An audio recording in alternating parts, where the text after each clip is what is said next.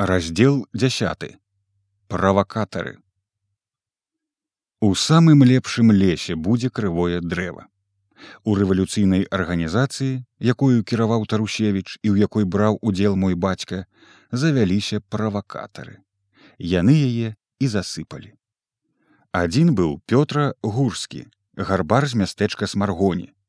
Я яго не ведаў і чуў пра яго мала а ён то найбольш і нашкодзіў а другі драбнейшы паскуднік добра вядомы мне павелак за тую гусіну што ўкраў у сяле іванаўскім за псковам у часе свайго фрэндеру сядзеў ён у турме. Вярнуўшыся ў вільню паступіў на гарбарню да гальштейна на паплавах. Піць не кінуў часамі хуліганіў па-даўнейшаму але моду змяніў і рабіў цяпер з гэтага не простае геройства а геройства рэвалюцыйнае Удзелу ў рэвалюцыі 1905 года ён праўда ніякага не прымаў, але калі яна пайшла на спад, піў з гора, як і многія тады, каму тошна было адчуваць наступ рэакцыі. Напіўшыся, абліваўся п'янымі слязьмі, біў сябе брудным кулаком у голыя чорныя валасатыя грудзі, і дзе крычаў, дзе ціханька казаў: не магу не піць. Гарыць ува мне рабочая душа. За што змагаліся? Змагаліся змагаліся! Але быў даволі хітранькі і слізкі. І вось гэткі то п'яніца і злодзей чорт яго ведае якім чынам завязаў блізкія адносіны з некаторымі членамі арганізацыі. Ён лез у арганізацыю таму што спадзяваўся часцей выпіць Але ўлезшы і праканаўшыся, што на выпіўку там грошай не даюць, ён вельмі скора зрабіўся платным агентам паліцыі. Бацька мой засцерагаў таварышаў, што павелак чалавечак хліпкі ненадзейны, што лепш яго адсунуць ад сябе, пакуль не позна. Але бацьку не паслухалі, ведаючы, што калісьці яны разам кралі гусіну і што з тых час у іх асабістая непрыязнь. Бацька мой гусіны не краў. Але ў такіх выпадках яшчэ і цяпер многія рабочыя ахвотна вераць таму, хто кажа краў і не хочуць верыць таму, хто адмаўляецца. Гэта спадчына буржуазных поглядаў, не дзіва. Раскрыў павелка нехта з таварышаў выпушчаных з турмы, а забілі яго гальштейнаўскія гарбары, там жа на паплавах каля гарбарні. Цэлую ноч з ім гулялі, пілі, а раніцою на вуліцы, усадзілі яму кінжал. Ён яшчэ прабег крокаў сто і тады ўпаў, каб болей не падняцца і ўжо нідзе і ніколі не займацца правакацыяй. Пасля правалу арганізацыі бацьку майму прыйшлося доўга хавацца. Работу на гарбарні грыліхаса ён мусіў кінуць. У другіх месцах на работу яго не прымалі. І зрабіўся ён як бы кур'ерам у арганізацыі ездзіў па розных гарадах для сувязі. Быў прымецен як аднавокі. І тады арганізацыя купіла і ўставіла яму вельмі добрае шкляное вока. Так лоўка зробленае, што адразу і не пазнаць, што яно не жывое, а штучнае. Арганізацыя прапанавала яму выехаць за межы ў эміграцыю. Ён адмовіўся пад тым прадлогам, што не ведае іншакраінных моў. А я думаю, што проста кроў бабулі пераважыла ў ім. Як некалі бабуля не магла выехаць у сібір да дзядулі, бо ніяк не асвойвалася з думкаю, што трэба прадаць сваю хату, так ён цяпер ніяк не мог адважыцца пакінуць маці і мяне. Маці і я жылі ў вільні, толькі перайшлі на другую кватэру з магаметанскага завулка на антокаль. Маці ізноў працавала тады на мармеладнай фабрыцы, а мне бліжэй было хадзіць у школу і наогул нам зручней было жыць цяпер у глухім закутку як мышам у падполлі. Зрэдку бацька прыязджаў у вільню прыходзіў як злодзей прыцемкам да нас. Часам нават начаваў у нас. Прыехаў ён аднойчы і даведаўся што гарбарня грыліхаса пераведзена ў дзвінск. Дык надумаўся паехаць туды і паспрабаваць паступіць на работу. Грыліхас любіць мяне хваліўся бацька. Паеду прыймя таму што там мяне ніхто не ведае Не едь ты, казала маці, а то яшчэ пападзеся. А ён быў настойлівы, узяў і паехаў.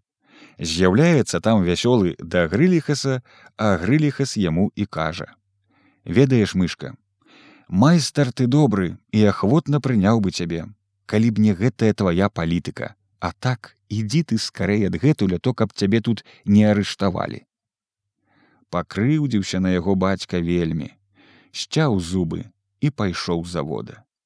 Ідзе на вакзал аж раптам спатыкае сеўрука таго самага маладога сеўрука што быў некалі чаляднікам у халяўскага ў свянчанах і часта біў бацьку як меншага за сябе. Зайшлі ў піўную выпілі пару піва пагаманілі. Сяўрук расказаў што бацьку свайго даўно пахаваў. Папаўся стары падцягнік на чыгунцы быўшы пад мухаю вечная памяць памёр ужо і пан халяўскі ад ажырэння сэрца. Таксама пад старасць здорава пачаў быў выпіваць вечная памяць. Пасля яго смерці працаваўся ў рук у пані барбары але зрабілася дужа скупая і сварлівая слова супроць шэрсці не скажы. Дык не паладзілі кінуў. Пераехаў сюды ў дзвінск мае сваю шыльду працуе жыве тут з адною жанчынаю. Нічога дзякуй богу жывуць так сяк патрошку. А як жа пан мышка от таксама ні туды ні сюды адказаў бацька і падумаў бывала ты біў мяне як бяскостага і іначай не называў як стерваю А цяпер ужо і кубачак бліжэй мне падсоўваеш і панам мышкам называеш. Як усё ў жыцці мяняецца. І таксама не ўцерпеў, пахваліўся і пра сваё жыццё быццё, але ж таго, чаго нельга вядома не сказаў. Я, кажася ў рук, троху чуў пра цябе ад віленскіх знаёмых. А што, благое ці добрае, насцярожыўся бацька. Усё добрае, прымоўк сяўрук. Казалі ажаніўся сына мае так жыццё бяжыць не стаіць на месцы паспакайнеў бацька і пайшоў да яго начаваць. Паклалі яны яго ў баковацы на канапцы. Палюбоўніца сеўрукова і падушачку яму падлажыла і коўдрачку мякенькую ватную накрыцца дала лёг ён і разважае засынаючы я думаў што грыліхас любіць мяне аж ён гад сяўрука я не любіў за п'янства і хуліганства, аж ён прыняў мяне як мілага друга. А на другі дзень яшчэ ранным рана раптам адчыняюцца ў баковачку дзверы і стой не з месца руки ў гору. Ну, бацька мой стаяць не мог, бо яшчэ ляжаў, а руки лежачы выставіў з-пад ватныя коўдры, бо ў момант увалілася цэлая арава паліцэйскіх і ляжачаму надзелі яму жалезныя брашлецікі на руки. Папаўся, дзе не думаў, не гадаў. Як потым бацька даведаўся, прадаў яго сяўрук.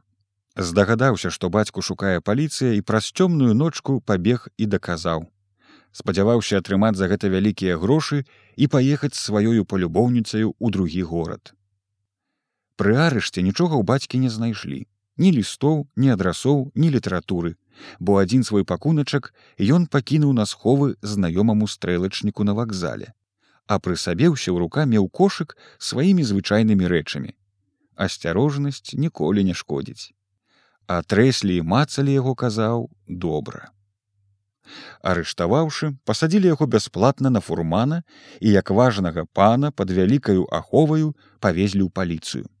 Там ужо яго чакалі жандарскі палкоўнік, пракурор, зараз пачалі з ім прыемную гутарку.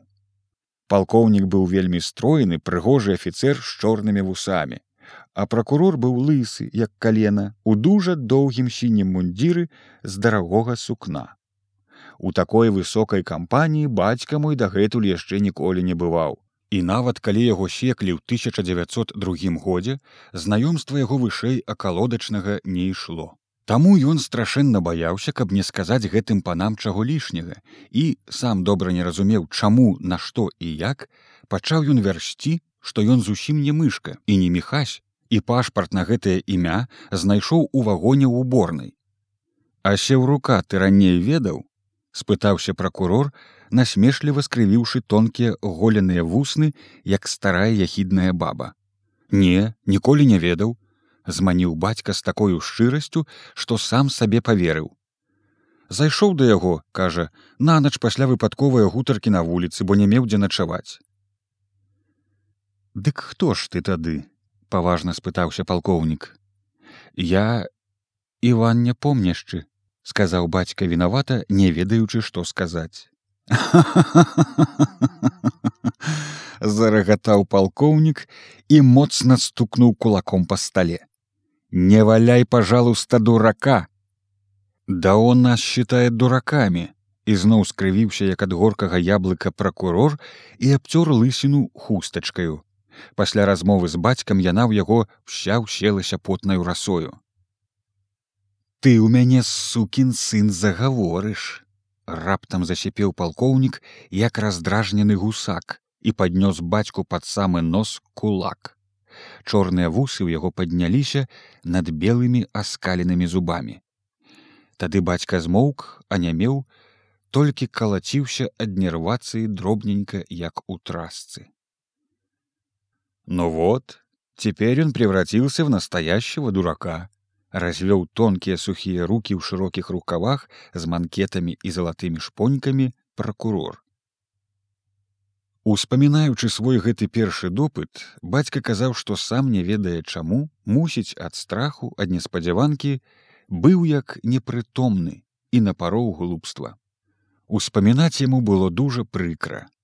Але ўсё ж нічога ў яго не выпыталі. Пасадзілі ў дзвінскую турму і напісалі ў вільню. З вільні праз нейкі час прыйшла папера, каб яго пераслалі туды.